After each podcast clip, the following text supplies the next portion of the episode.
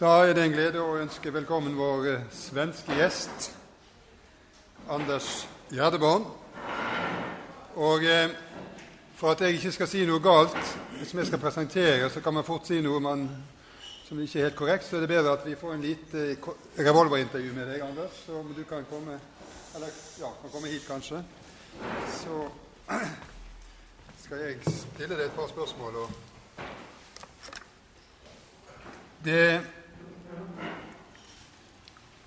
er jo Jan som har, vært, har fått deg anbefalt, får vi si det slik, og eh, som er ansvarlig for at du er her, og det er vi glad for. Og du er jo Du er på- sikkert på en måte en fagmann, samtidig er ikke det, du er ikke en yrkesfagmann på dette området, for du er, for tiden er du IT-direktør, stemmer det? Ja, det stämmer. Ja, Kan du begynne der og si hva du gjør i ditt vanlige yrke for tiden? Og, Jag jobbar i ett litet, ett litet eh, IT-företag inom eh, svenska fagföreningsrörelsen. Så att vi har alltså, eh, vi levererar våra IT-tjänster till nio utav SACO-förbunden heter det. ja, og da er du en del på reise, kanskje, men du har tidligere vært ansatt i en sammenheng hvor du har også besøkt Norge en del. Ja, jag har varit ans ansatt på Statoil. Så jag har lärt mig att man inte säger anställd utan ansatt. Ja. Ansatt på svenska, det är något man blir utav demoner faktiskt, så att det är någonting helt annat. Besatt, ja, på norsk. Ansatt på svensk. Ja, være litt forsiktige da. men Det, det er sånne nyanser. Og for å si det allerede nå, Han sa det at hvis det er noe vi ikke skjønner, og som kanskje kan være poenget til og med, at vi ikke skjønner et ord som kan være veldig viktig, så må vi si fra. Melde Ja, sant? Gör gärna det. Under ditt foredrag. Jag tar inte illa upp, åtminstone inte de 20 första gångerna som vi. Ja. Eh, hvor kommer du fra i Sverige? Hvor har du din oppvekst? Eh, og Jag din... bor i Västerås. Det ligger ungefär 100 kilometer väster om Stockholm. Ja, det er din, også din hjemby. Eh, Nej, faktiskt inte. Jag kommer från Karlstad. Karlstad, ja, det kjenner vi ligger til. inte, inte långt från, från norska gränsen. Nei, vi har pejling på historien där, Karlstad, ja. Ja, men då ska vi få kanskje høre litt likevel om din, om din bakgrunn, din interesse, får vi si, om dette. Og det har jo blitt eh, slik at du er blitt en fagmann også, på din måte. Og kan du bare kort si hvordan du det, ja, Hvordan ble du så interessert i dette temaet? Og i Eh, det? Ja, jag blev kristen 1975 och eh, jag har alltid varit intresserad utav eh, naturvetenskap. Och eh, det här med evolutionsläran, det var ett skoskav för mig faktiskt i början som, som kristen. Just därför att jag ville tro hundraprocentigt på Bibeln men samtidigt så hade väl ändå evolutionsläran visat att vi kommer från aporna och allt det här. Och, och, och, så att det blev eh, en större och större konflikt. Så ungefär två år efter det att jag blev kristen så läste jag den bibliska förklaringen till den fossila ordningen. Ni vet att fossil förekommer i en viss ordning i bergen. Eh, oftast i alla fall. Och eh, det har jag då trott att här ser vi ju utvecklingen under de här miljonerna av åren. Men så läste jag att det faktiskt finns en lika bra förklaring och till och med bättre som då bygger på att den här, de här fossilerna kommer från syndaflodskatastrofen. Och då ramlade poletten ner rejält och det var 1977. Och sedan dess har det här varit ett, ett, ett viktigt ämne för mig. Ja, og det vil vi jo få høre mer om. Men du har i- iallfall begått én bok. Det er vel kanskje flere, jeg vet ikke. Jeg kjenner ikke nok til det. Men den har, og noen av dere vil skjønne at det er en henspilling her med den tittelen 'Intelligent skapelsestro'. Eh, Noen av dere vil da skjønne at den henspiller på en annen intelligent idé, men, eh, som da ikke er det her. Men den heter altså 'Intelligent skapelsestro'. Så den spiller jo på den eh, forkortningen. Det är faktiskt i det den också. Alltså, intelligent skapelsetro är en blandning utav intelligent design och biblisk skapelsetro. Ja. Og dette er en eh, bok i andre opplage, Ja. så den vil du sikkert kunne s- også presentere litt under ditt foredrag. Ja, men da har vi fått eh, noen grunnfakta. Du er for andre gang i Bergen, sa du. Du har vært der før med din familie Ja. for lenge siden, som du sa. Men det, i dag har du hatt tid til å gå på Naturhistorisk museum og fått sett litt av eh, smug og smitt og smøv i Bergen, så det er hyggelig. Da har du til resten av kvelden, for å si det slik. Hvor lang den blir, det er opp til deg. Men vi har ikke noe annet på programmet, og det blir heller ikke noe samtale. Men i alle fall en times tid må du, må du få på dette. Så vær så god, ordet og bildene er dine. Tack för det.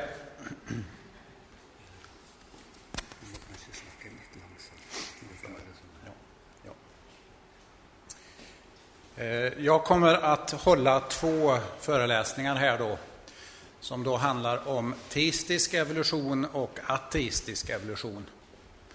Och eh, den ena då påstår jag, den teistiska evolutionen menar jag är bibliskt ohållbar och den ateistiska eh, evolutionen menar jag att den är vetenskapligt ohållbar. Och nu vet jag som vi hörde här att det kan finnas lite olika uppfattningar. Och, eh, men jag kommer så att säga att, eh, eh, att vara ganska tydlig utifrån det som är min uppfattning. Och, sen har vi en frågestund imorgon och då hoppas jag att ni tar upp alla de, de tveksamheter och de frågor som kan ha kommit upp. Då. Jag ska också definiera det här med evolution. Jag kommer att prata mycket om evolution. Och evolution kan betyda många saker, vilket i sig är en källa till missförstånd. Eh, ofta menar man med evolution att olika arter varierar, alltså det finns en biologisk variation. Och i den betydelsen på evolution är det helt okontroversiellt. I den betydelsen är jag också evolutionist. Till exempel så har vi hört att evolutionen visar sig genom att bakterier blir resistenta mot antibiotika. Det har ni hört va? Ja, visst gör de det. Det är en biologisk variation som man ibland kallar för evolution. Någonting helt annat är det när evolution betyder gemensamt ursprung eller att vi kommer från aporna och till syvende och sist kommer vi från bakterierna någon gång för 3,5 miljarder år sedan. Det är den betydelsen på, det är den betydelsen på evolution jag kritiserar under de här två föreläsningarna, inte den biologiska variationen.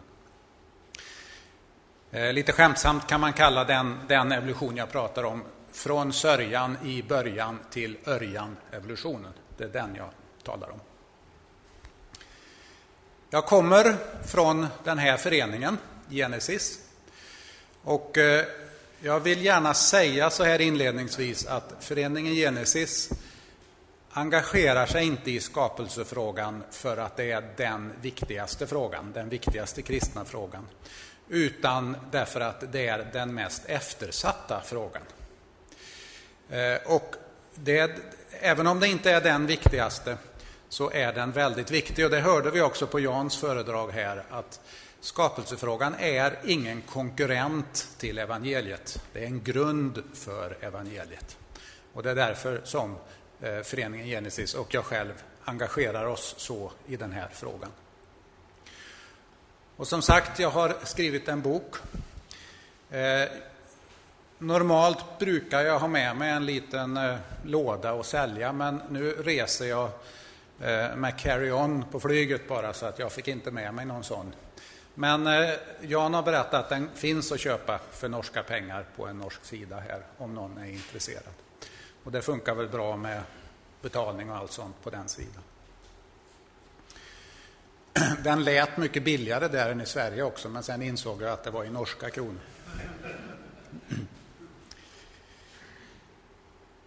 Um, det här är alltså ämnet för ikväll, den gudastyrda eller den teistiska evolutionen.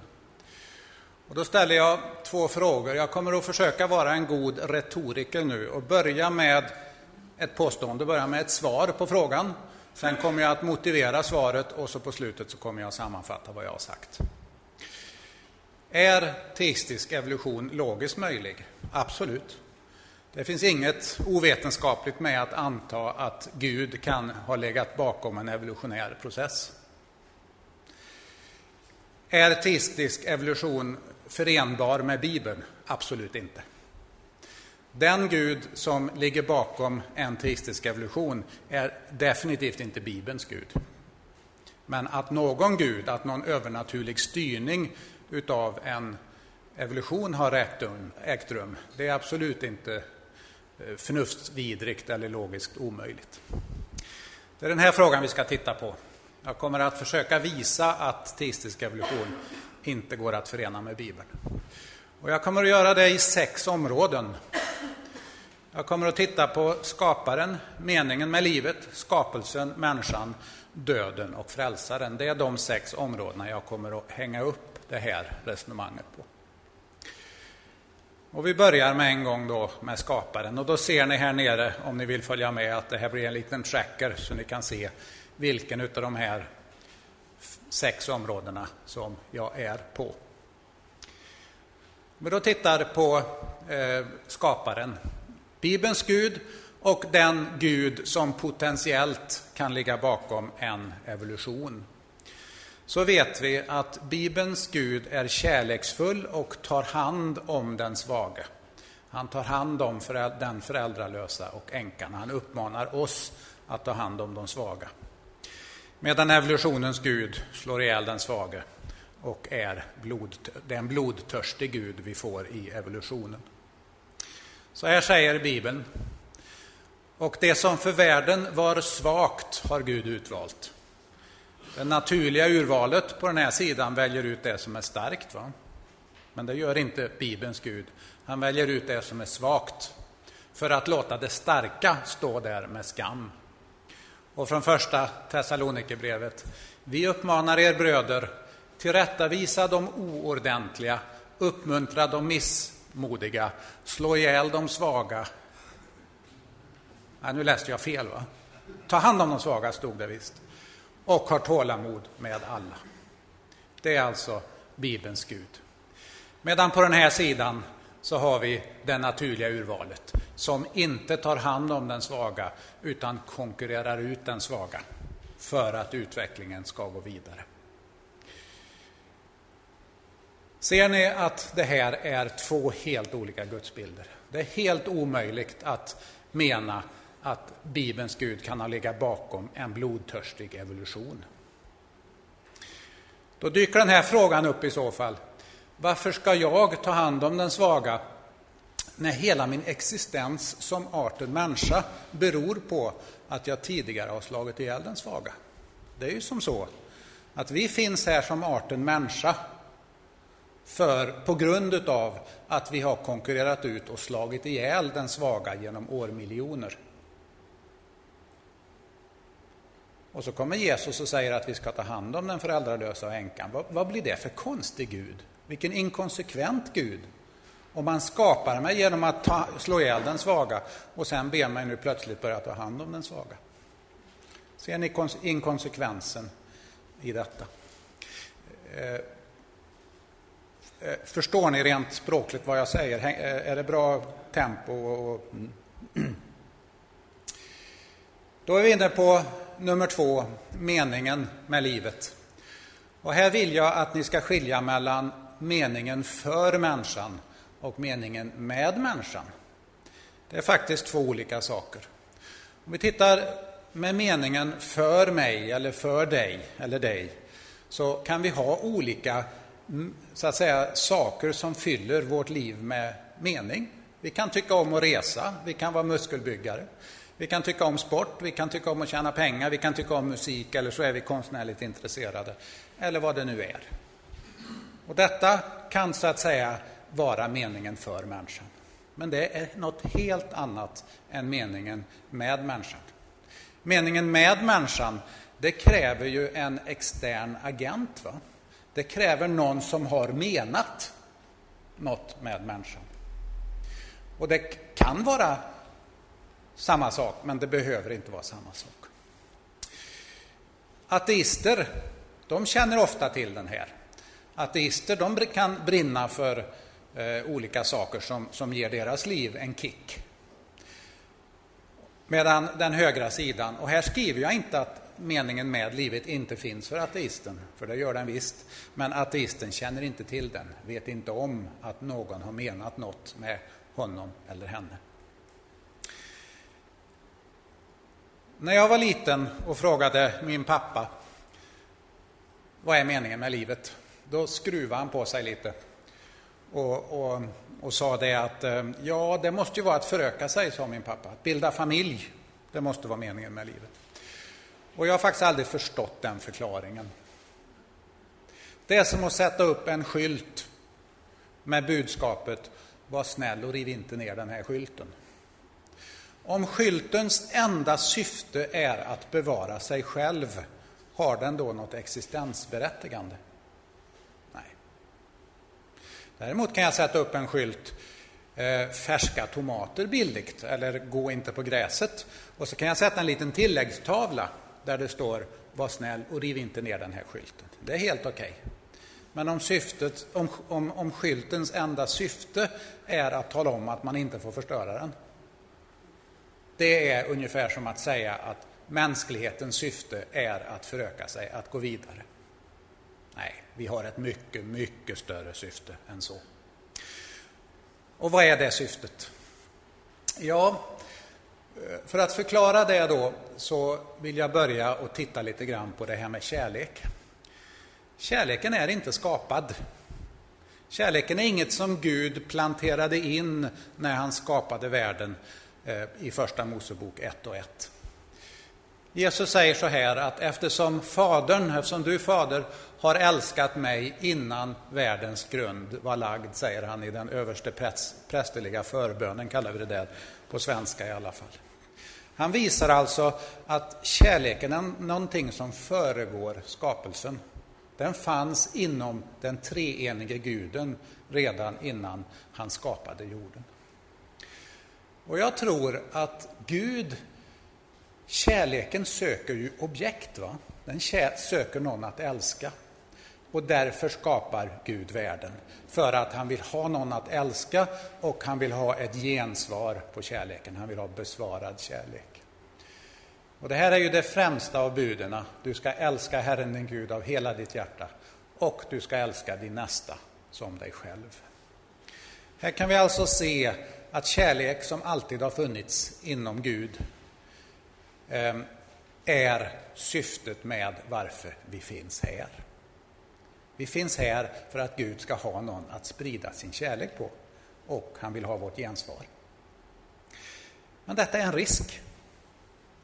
Och risken är den att kärleken kräver fri vilja. Påtvingad kärlek är meningslös kärlek. Titta på den här robothunden här, en liten kul leksak som man kan programmera och komma mot den när man kommer hem från jobbet och vifta på svansen och gläfsa och hoppa upp på benet och, och, och, och se väldigt glad ut. Och det är en jättekul leksak. Jag önskar jag skulle ha en själv faktiskt. Men tror ni att den tillgivenhet som den här hunden tycks visa, tror ni att den kärlek som hunden tycks visa är något värt för husse eller matte som kärlek räknat? Nej, det är ju inte det. För den är inte fri, fritt vald, den är programmerad. Jag är gift och när jag gifte mig med min hustru så gjorde jag det inte genom att pistolhota henne. Jag gjorde faktiskt inte det. Och inte heller så utövade jag någon typ av maktspråk på henne för att få henne att säga ja, utan jag frågade henne lite försynt och lite försiktigt. Om jag kunde manipulera med henne idag så att hon agerade på ett sätt så att hon älskade mig, men egentligen var det bara min skickliga manipulation som gjorde det. Tror ni den kärleken skulle vara värd något för mig? Nej. Och sån är vår Gud. Sån är vår Gud. Han talar inte maktspråk för att få oss att älska honom, för då vore det inte kärlek. Va? Då skulle inte syftet med hela skapelsen uppfyllas om Gud tvingade oss att älska honom, det vill säga göra det goda och lyda honom. För då vore det inte kärlek. Och det är risken med skapelsen. Det är att för att vi ska uppfylla vårt syfte som människor så måste vi ha frihet att låta bli att älska. Att säga att vi har en fri vilja så länge vi älskar Gud, väljer att älska Gud, det blir en lek med ord. Ford, han som byggde de här T-Fordarna, de här gamla bilarna, han lär ha sagt att mina kunder de får välja precis vilken färg på bil de vill, bara de väljer svart. Så skulle Gud kunna ha sagt att mina skapelser får välja att älska mig eller inte, bara de väljer att älska mig. Och så skulle han kunna prata maktspråk. Men då skulle vi inte vara människor. Då skulle vi vara marionetter, då skulle vi vara robotar. Och det vill inte Gud ha. Han vill ha något mycket, mycket mer än så. Evolutionens syfte då? Vad är den? Nu har vi pratat om syftet utifrån Bibeln. Tittar vi på evolutionens syfte? Ja, det förstår vi ju alla att om vi finns här genom en lång utvecklingsprocess process, där allt har gått ut på att äta, överleva och föröka sig i miljoner år och så kommer vi människor här och plötsligt skulle få någon annan mening än äta, överleva och föröka oss. Var kom den ifrån i så fall? Alltså evolutionen ger oss inget syfte. Inte något som helst. Utan Sven Reichman då, som är en, en, en stor bibellärare i Sverige, han sa en gång att evolutionen, eller människan, är en kosmisk bingo, sa han. Och det är precis vad vi är om det inte är andra krafter än evolutionens slump och tid som har tagit fram oss. Det här är ett citat från en gymnasielärobok som skriver så här att livet är i detta perspektiv bara en bråkig parentes mellan två integriteter. Och det här är tillåtet att skriva i våra svenska läroböcker och säkert i era också. Men att skriva att ni har en mening, att det finns en Gud som har velat eller som vill något med dig, människa, det är jätteförbjudet. Och det är det säkert i Norge också.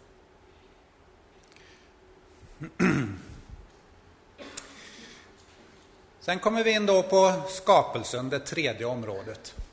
Då lär vår moderna skapelsemyt. Jan pratade om olika myter som var samtidiga med Bibeln. Eh, idag har vi också skapelsemyter och den kallas för Big Bang, den som är allra mest på tapeten idag. Och Big Bang lär att universum startade i en singularitet. Här ser ni singulariteten. Då ska ni veta att jag har förstorat den miljarder gånger för att ni överhuvudtaget ska ha en chans att se den. Det är vad vår moderna skapelsemyt säger, att universum startade i den här otroligt sammanpressade singulariteten. Här finns all materia, här finns all energi, men här finns också all tid och allt rum. Det betyder, in, det betyder alltså att den här singulariteten fanns inte någonstans. För alla stanser är inne i singulariteten. Och likadant med tiden. Och det betyder att Big, BB står för Big Bang. Då. Det är ingen ursprungsteori. Precis som de här andra samtidiga myterna med den bibliska. När var det Malak som skapade hur någon Guds kropp skapade ur, eh, så att säga. Det är ju inga ursprungsteorier det här. De startar ju med någonting, precis som Big Bang startar med hela universum. Visserligen i en annan form än idag, som i formen av en singularitet. Men hela universum finns där. Big Bang är ingen ursprungsteori, Big Bang är en utvecklingsteori. Vad som har hänt med singulariteten sedan den exploderade i den stora smällen. Ibland så vill man jämföra Bibelns skapelseberättelse med Big Bang. Men det är som att jämföra äpplen med päron. De pratar om två helt olika saker. Big Bang pratar inte skapelse, den pratar utveckling från första singulariteten.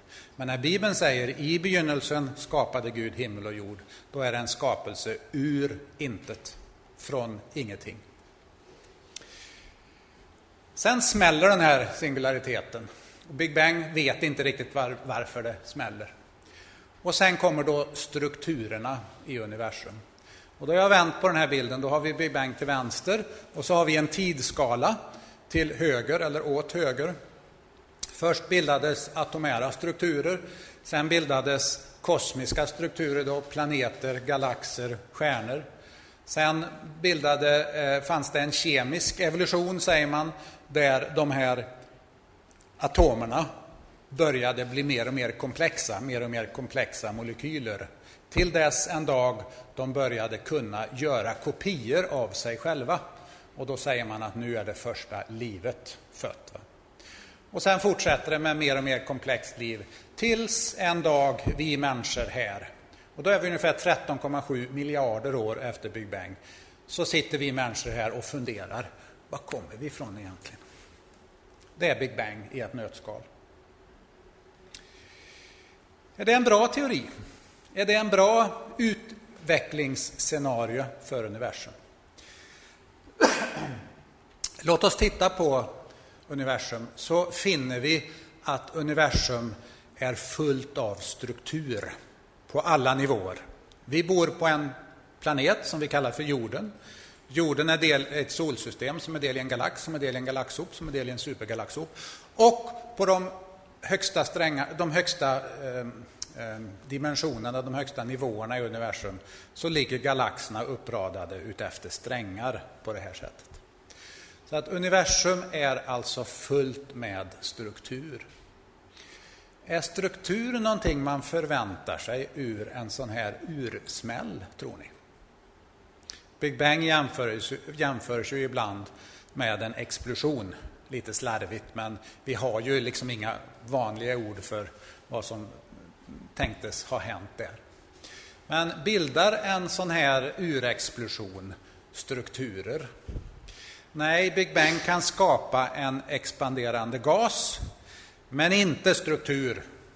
Och då har jag tittat på de kosmiska strukturerna. Det finns gott om atomära strukturer också och det finns också biologiska strukturer, alltså våra celler. Om man går in och tittar på våra celler, där hittar man struktur, vill jag lova. Kommer in lite grann på det imorgon. Och detta är grundproblemet med Big Bang. Big Bang kan förklara ett expanderande, en expanderande gas, ja, men universum är smockfull med struktur och Big Bang har ingen som helst mekanism som skulle kunna förklara framtagandet utav den här strukturen. Det här är en bil och två utav mina söner. Och då vet vi att om vi lämnar, och det här är ju fullt utav struktur, både människokroppen och en bil. Och då vet vi att om vi lämnar dem åt tidens tand, vad händer då? Jo, de bryts ner.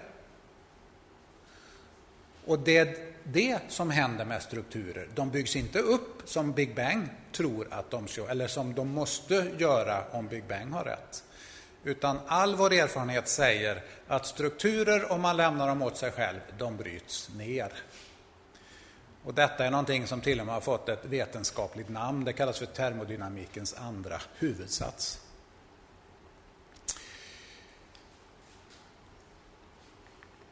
Låt oss då titta lite grann på eh, den bibliska historien. Det här är alltså från skapelsen här och så har ni då en tidsskala här uppe där den övre skalan visar år före Kristus och den nedre skalan visar år efter skapelsen. Ni kommer, snart, ni kommer snart att förstå vad det här har med det jag alldeles nyss sa, vad, det, vad de har med varandra att göra. Eh, de här staplarna, det är de här gamla patriarkerna eller gamla farbröderna i Gamla Testamentet och hur gamla de blev. Den övre gula här det är Adam och han föddes vid skapelsen. Han blev 931 år och dog alltså eh, 930 år och dog alltså 930 år efter skapelsen, vilket motsvarar eh, lite drygt 3000 år före Kristus. Och sen har vi de här farbröderna då, som blev ungefär 1000 år. Den äldsta var Metusela, han blev 969 år. Nu brukar man ju säga att så gammal kan ju ingen människa bli.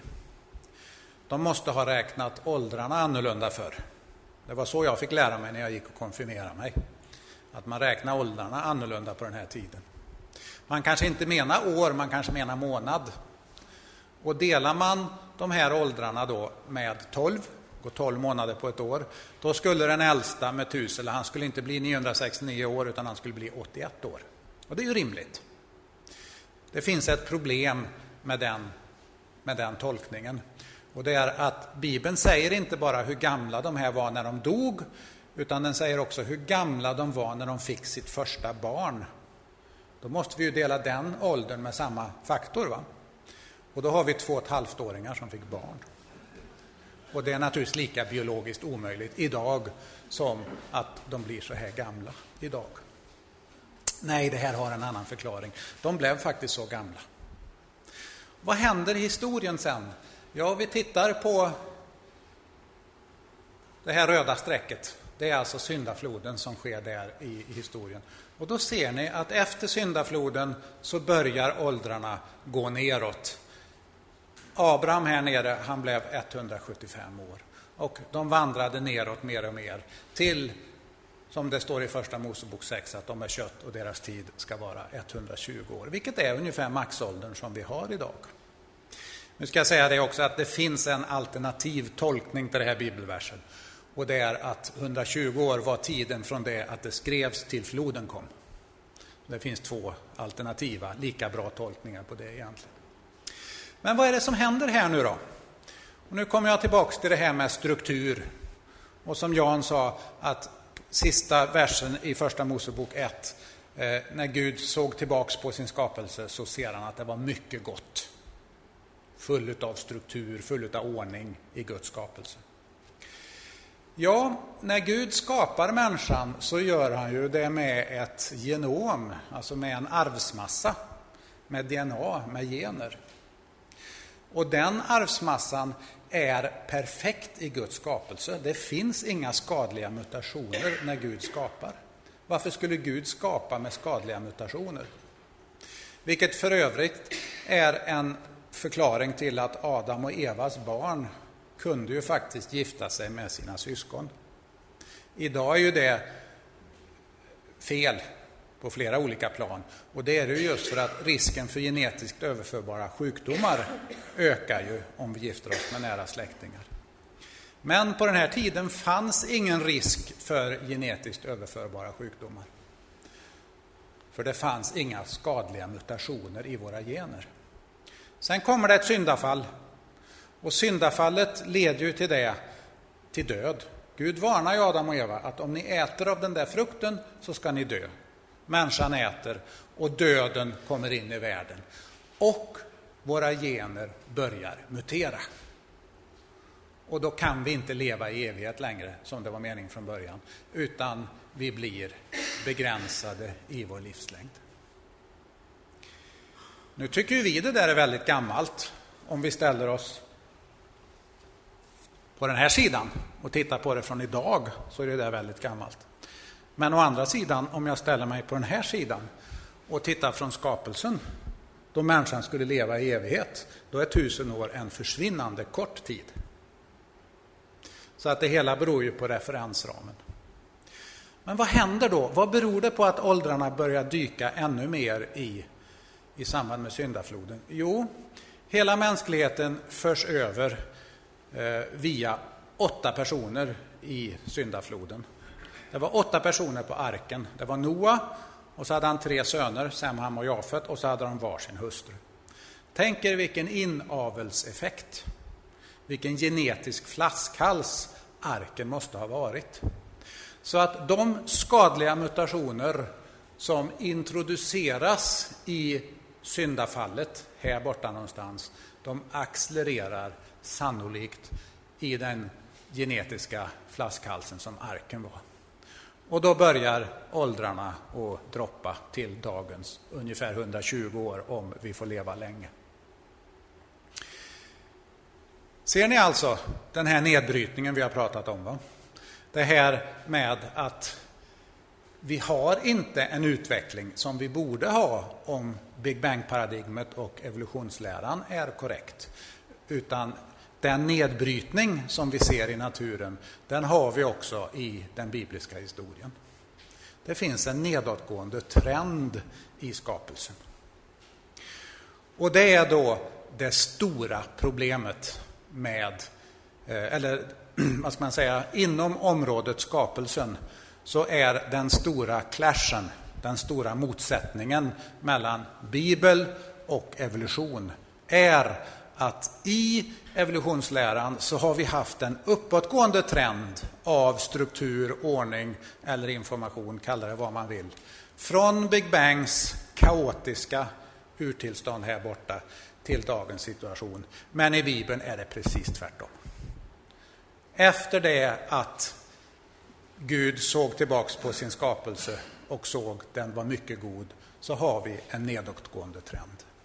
Ser ni att de här två ur eh, aspekten skapelsen är ånyo varandras diametrala motsatser. Tittar vi på den bibliska kurvan där så vet vi att Gud skapade strukturen under de här sex skapelsedagarna. Vi hörde att han skapar ur intet tre gånger när han skapar materien, när han skapar livet och när han skapar människan. Däremellan så finns det massor med eh, strukturökande åtgärder från Gud. Och då står det inte skapa, utan då står det andra ord som kan översättas med forma eller dana. När han formade de olika djurgrupperna och när han skilde vattnet från vattnen ovanför fästet och från vattnet under fästet. Och när han skilde haven från kontinenterna och så vidare. Det var inte skapelse i betydelsen skapa, skapelseur inte, utan då formar Gud, då ökar han strukturerna. Och det är det som händer under skapelseveckan. Sen har vi en liten tid innan, här har vi då att, det här, att eh, eh himlen och jorden är fullbordad och det var mycket gott. Sen har vi en liten tid innan syndafallet och från den stunden så bryts strukturerna ner. Gud har ju sagt om ni äter så ska ni dö. Och döden kommer in. Och som förra bilden visar så tror jag att Gud åtminstone delvis effektuerade döden med hjälp av mutationer. Skadliga mutationer i vår arvsmassa. Och där läser vi i Romarbrevet 8 att skapelsen är idag lagd under förgängelsen. Den har blivit lagd under förgängelsen. Möjligt också att syndafloden var en lokal dipp, att eh, nedbrytningen av struktur var lite accelererad under syndafloden. Det kan vi inte veta riktigt, men det är inte omöjligt. Framtiden då? Ja, Herrens dag kommer som en tjuv. Den dag som får himlar att upplösas i eld och himlakroppar att smälta av hetta. Det är det här med att, som Jan berättade, att jag är alfa och omega, jag är begynnelsen och änden. Här är begynnelsen när Gud skapar struktur. Sen har vi den nedåtgående trenden och i änden så fin det finns ett, ett, ett, slut på skapelsen så att säga. Och då är alla strukturer borta. Och nio, det är fullständigt omöjligt att förena det bibliska scenariot med evolutionismens scenario där struktur måste ha byggts upp genom årmiljoner.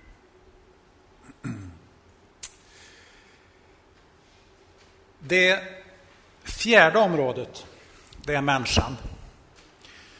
Och människan är unik. Människan är en unik skapelse i Bibeln.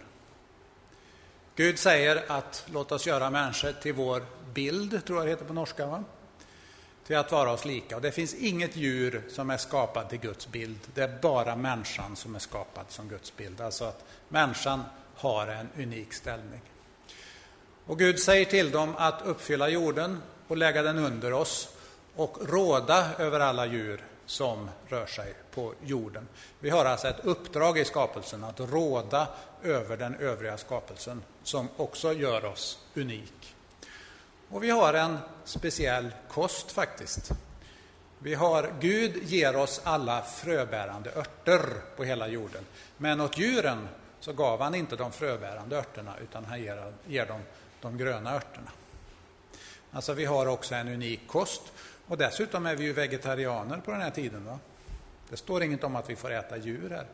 Och det är ganska naturligt för döden finns inte i skapelsen ännu. Och skulle vi äta djur då skulle vi behöva, dö, skulle, då skulle vi behöva döda dem först. Och det är inte i Guds ursprungliga plan. Det kommer faktiskt först efter syndafloden. Då säger Gud att nu är det okej okay att äta kött också. Så idag är det inte fel att äta kött.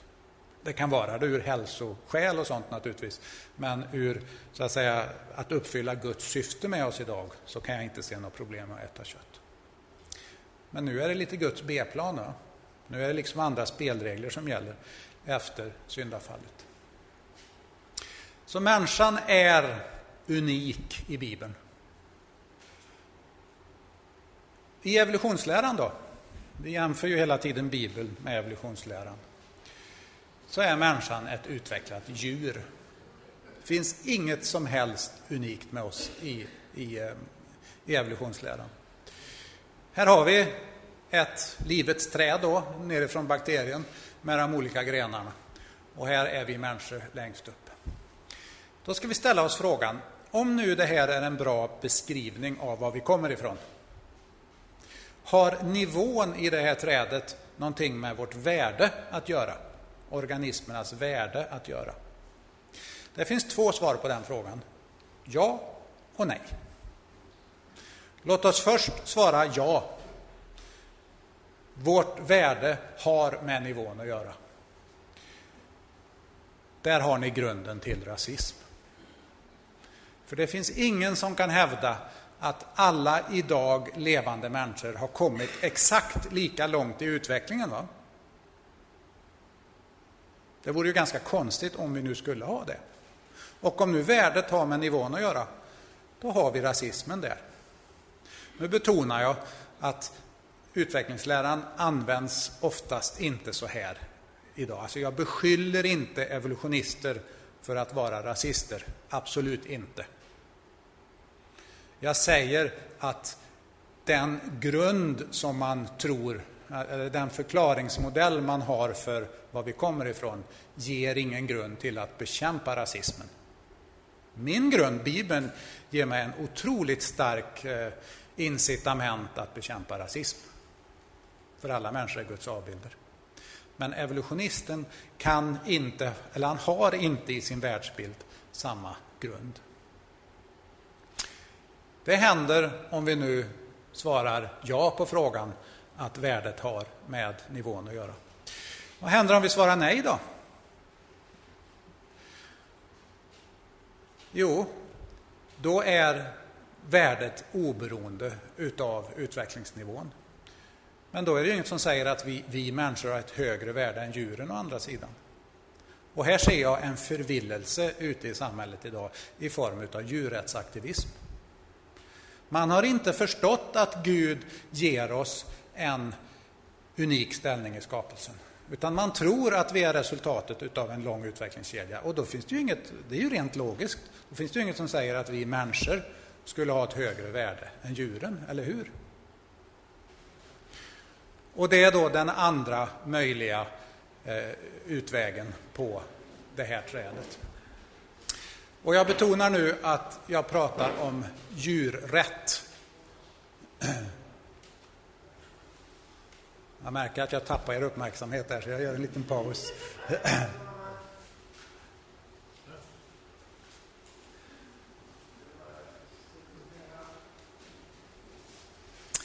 Nu betonar jag att jag pratar om djurrätt. Jag pratar inte om djurskydd. För det, kan, det är ju någonting helt annat. Djurskydd är någonting som vi som kristna gott kan ägna oss åt. Men djurrätt i betydelsen att vi börjar till och med att vara villiga att skada människor för att rädda djur, då har vi inte förstått det unika värde som Gud har givit oss. För oss som är kristna så kan vi på en biblisk grund hävda människans både lika, sinsemellan lika värde och unika värde i förhållande till djuren.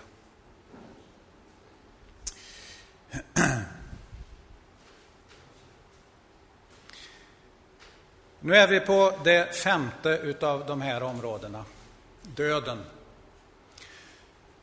Tittar vi då på Bibeln i första hand så ser vi i skapelseberättelsen att Gud sätter spelreglerna i sin skapelse.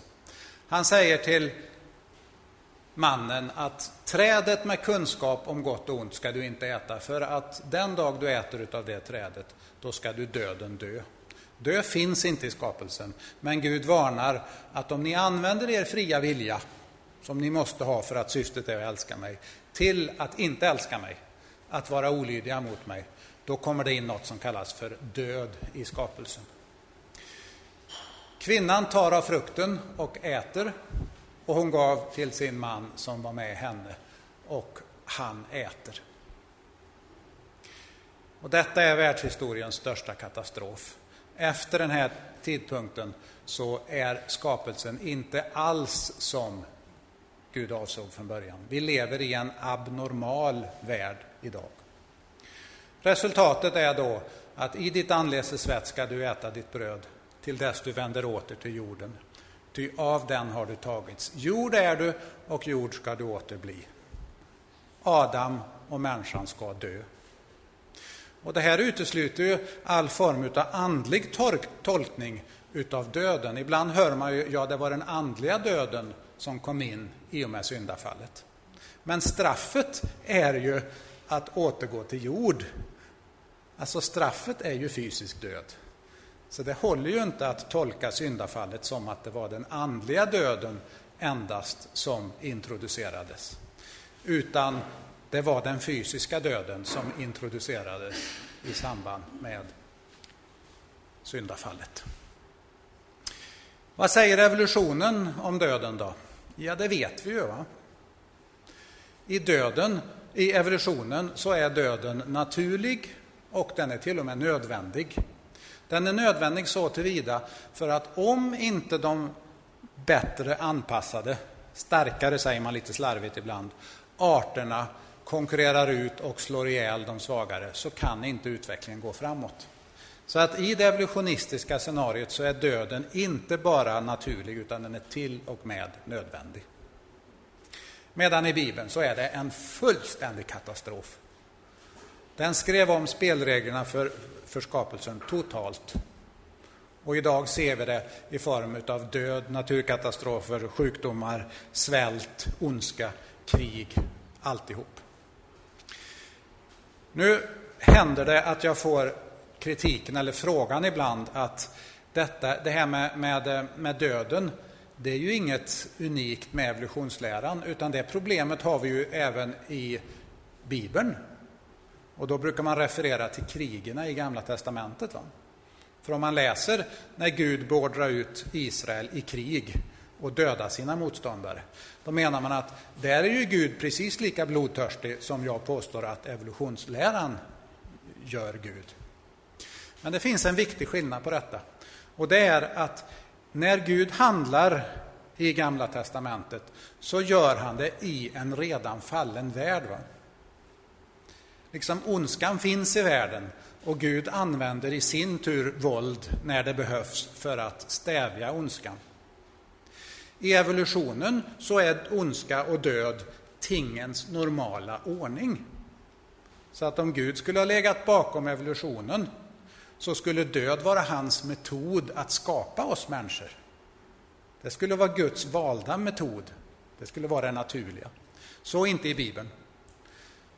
I Bibeln är död och krig och ondska eh, är så att säga följder, någonting som Gud tvingas till i en fallen värld.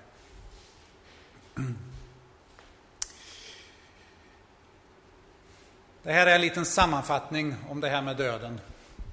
En bild som jag har tagit från Answers in Genesis, heter de. Det är Adam och Eva som säger Åh Adam, vilken fantastisk värld. Ja, Eva, den är mycket god, precis som Gud skade. Och så har vi det här då, va? att den står på årmiljoner av lidande, död, sjukdomar, törne, kamp, lidande och så vidare. Detta är teistisk eller gudastyrd evolution i ett nötskal. Det funkar inte. Det funkar inte.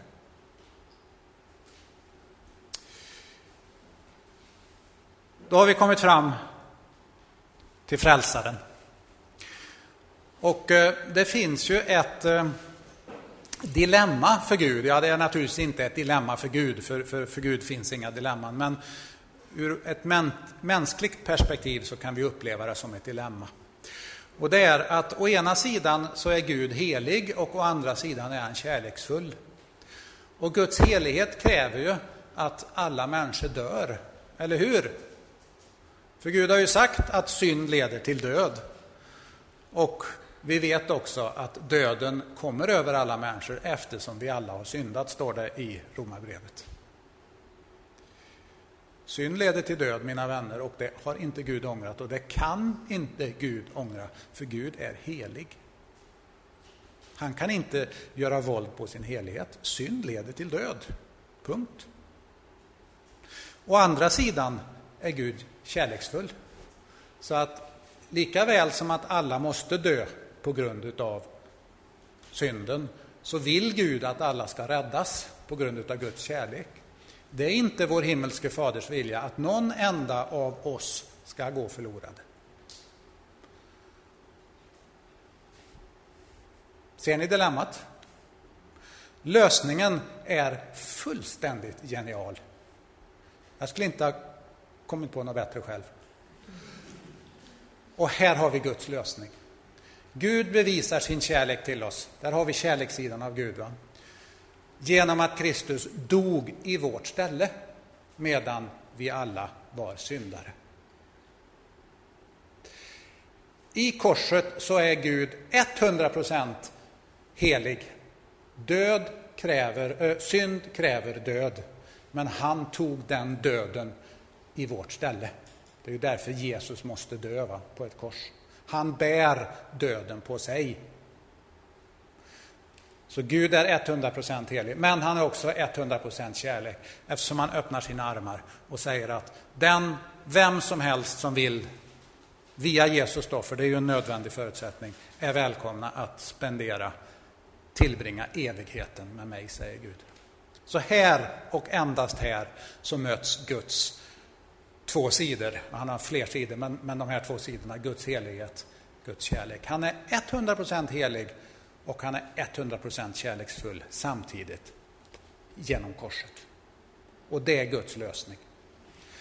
Och därför, jag sa, jag sa förut att föreningen Genesis engagerar oss inte i skapelsefrågan som konkurrent till evangeliet, utan vi gör det som en grund för evangeliet. Och ser ni hur det här med dödens inträde, synden och det behövs en lösning på detta, hur det är grunden för evangeliet om Jesus Kristus. Så här har vi nu världshistorien utifrån de här två olika scenarierna. Å ena sidan Bibelns historia, å andra sidan evolutionens historia. Och den bibliska historien den har jag hängt upp då på Romarbrevet 6.23. Ty syndens lön är döden, men Guds gåva är evigt liv. Då vet vi att människan skapades i tidernas begynnelse. Det finns ett historiskt syndafall då människan tog av den här frukten, då människan använde sin fria vilja till att låta bli att älska Gud. Och då åt av frukten. Vi ser resultatet. Syndens lön är döden. Och det känner vi allt för väl, det resultatet. Men Guds gåva, det finns en försoning och det är evigt liv. Det finns ett hopp för framtiden, en bättre värld för framtiden i Jesus Kristus. Nu ska jag sortera om de här boxarna lite grann och titta var de hamnar i ett evolutionistiskt perspektiv. Ja, innan människan kommer in på scenen så har vi ju en miljoner år lång förhistoria utav död, kamp, konkurrens, naturkatastrofer. I det scenariot så blir ju faktiskt syndafallet påhittad religion, eller hur? För nu är inte längre döden resultatet av synd, utan död har alltid funnits. Och då alltid naturligtvis inom citationstecken. Döden finns i naturens väv i det, natur, i det evolutionistiska scenariot. Sen utvecklas människan. Och jag har använt samma bild där, det kanske är lite olyckligt, men, men eh, människan utvecklas väldigt sent i evolutionens långa historia. Vad händer då med Kristus? Jo, han blir lika påhittad som syndafallet. Varför det?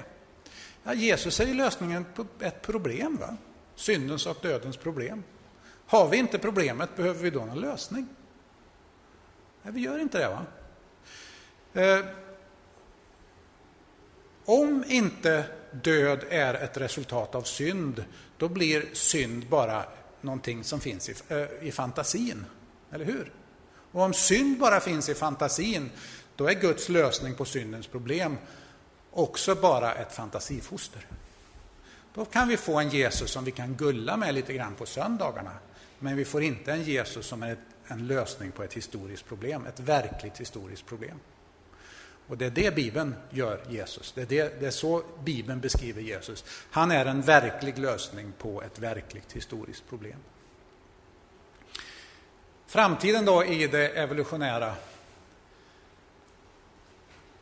scenariot?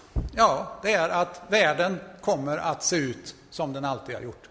Vi lever i tingens normala ordning idag och det kommer vi alltid att göra så länge som jorden finns kvar naturligtvis. Det finns inget hopp om någon förändring eller förbättring i ett, förlåt, i ett evolutionistiskt scenario.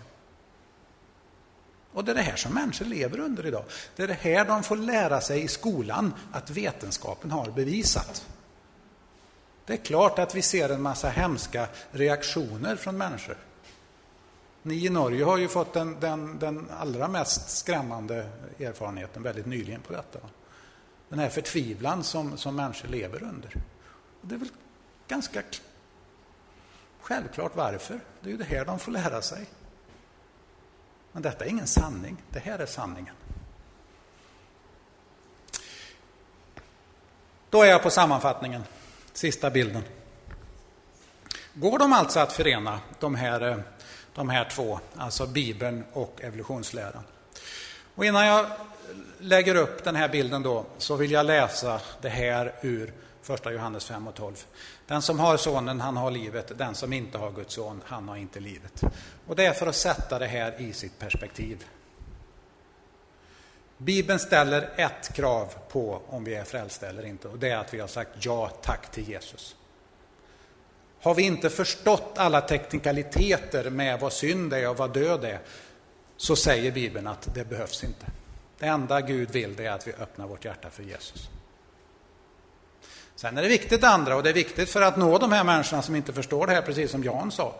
Det är väldigt viktigt att vi som Paulus börjar eh, i Apostlagärningarna 17 på Areopagen. Vi börjar när vi talar med människor, eh, så börjar vi med Gud som skaparen. Absolut, annars kommer inte människor att förstå vad vi säger. Men för oss som kanske kämpar med de här frågorna, så ska vi inte lägga något ok på oss att vi måste förstå det här och det här för att få kalla oss för kristna. För i det sammanhanget så ställer Bibeln bara det här. Den som har sonen, han har livet. Den som inte har sonen, han har inte livet. Punkt. Så ta det här till er. Det här är så att säga vår visshet om att vi tillhör Jesus. Ingenting annat. Här har vi de fem områdena. Nu om ni som jag då kommer att, jämföra, som jag då kommer att titta var de, var de hamnar enligt Bibeln och enligt evolutionsläran. Och här fattas det ett område, meningen. Och det beror på det att meningen går faktiskt att kombinera mellan en teistisk evolution och Bibeln. Va? Hela syftet med teistisk evolution det är ju att ge evolutionen en mening. Så att så tillvida går de att förena. Egentligen skulle meningen vara i det föredrag jag skulle hålla imorgon om den ateistiska evolutionen. Där finns det ingen mening. Men imorgon kommer jag att prata vetenskap. Och mening har ingen plats och ska inte ha någon plats i det vetenskapliga arbetssättet. Vetenskapen sysslar med att beskriva, inte, tittar hur saker, inte se hur saker borde vara eller, eller någonting annat. Enligt skaparen alltså, så enligt Bibeln så har vi en skapare som är kärleksfull och tar hand om den svage. Men i evolutionsläran så är han blodtörstig och konkurrerar ut och slår ihjäl den svaga. Skapelsen i Bibeln, den startar mycket gott och efter syndafallet så har vi en nedåtgående trend. Medan evolutionsläran startade i Big Bangs kaos. Men vi måste ju då ha haft en uppåtgående trend va? till oss enormt komplexa organismer, människor idag. Det är ingen som har sett någon sån trend, men den måste ju ha funnits där. Va? Eftersom det startade i kaos och slutade i oss människor. Människan, enligt Bibeln, är av stoff och så blåser, Guds livs, blåser Gud livsande in i henne. Och hon är Guds avbild, hon är unik i Guds skapelse. Medan i evolutionsläran är vi en vidareutvecklad apa. Vi är ett däggdjur bland tusentals andra. Döden är en katastrof i Bibeln som kom in i skapelsen genom synden. Medan i evolutionsläran så är döden naturlig och till och med nödvändig, som jag sa. Och den har alltid funnits. Frälsaren räddar oss från synden och dödens problem. Han är alltså lösning på ett problem. I evolutionsläran så har vi inget problem och då behöver vi ingen lösning. Och det finns ingen räddning i, i det evolutionistiska scenariot. Det finns en eh, ateist som har sagt så här. Om vi tar bort Adam och Eva och deras ursprungliga synd så finner vi de patetiska resterna av Guds son bland den bråte som blir kvar av kristendomen. Och det här är en ateist, så att det är en väldigt desorienterad människa. Va? Men här har han faktiskt fattat vad han pratar om. Det här förstår han bättre än vad många kristna gör.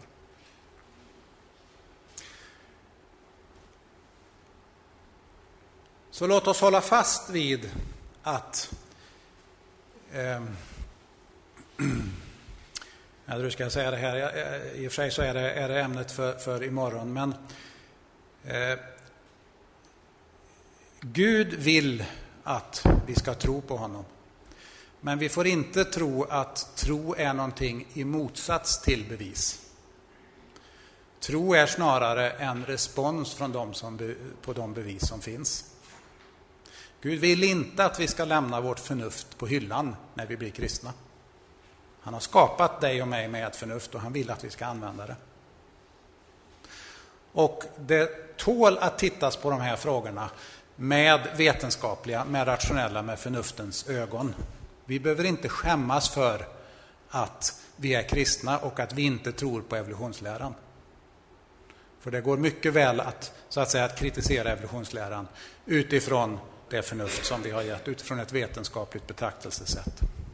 Och det är det jag kommer in på imorgon. Då, då kommer jag mer att titta på de, de eh, vetenskapliga bristerna i evolutionsläran. Så jag slutar där. Va? Och eh, nu vet jag inte riktigt hur det är tänkt. Ska vi ha frågestund nu eller kommer den imorgon? Efter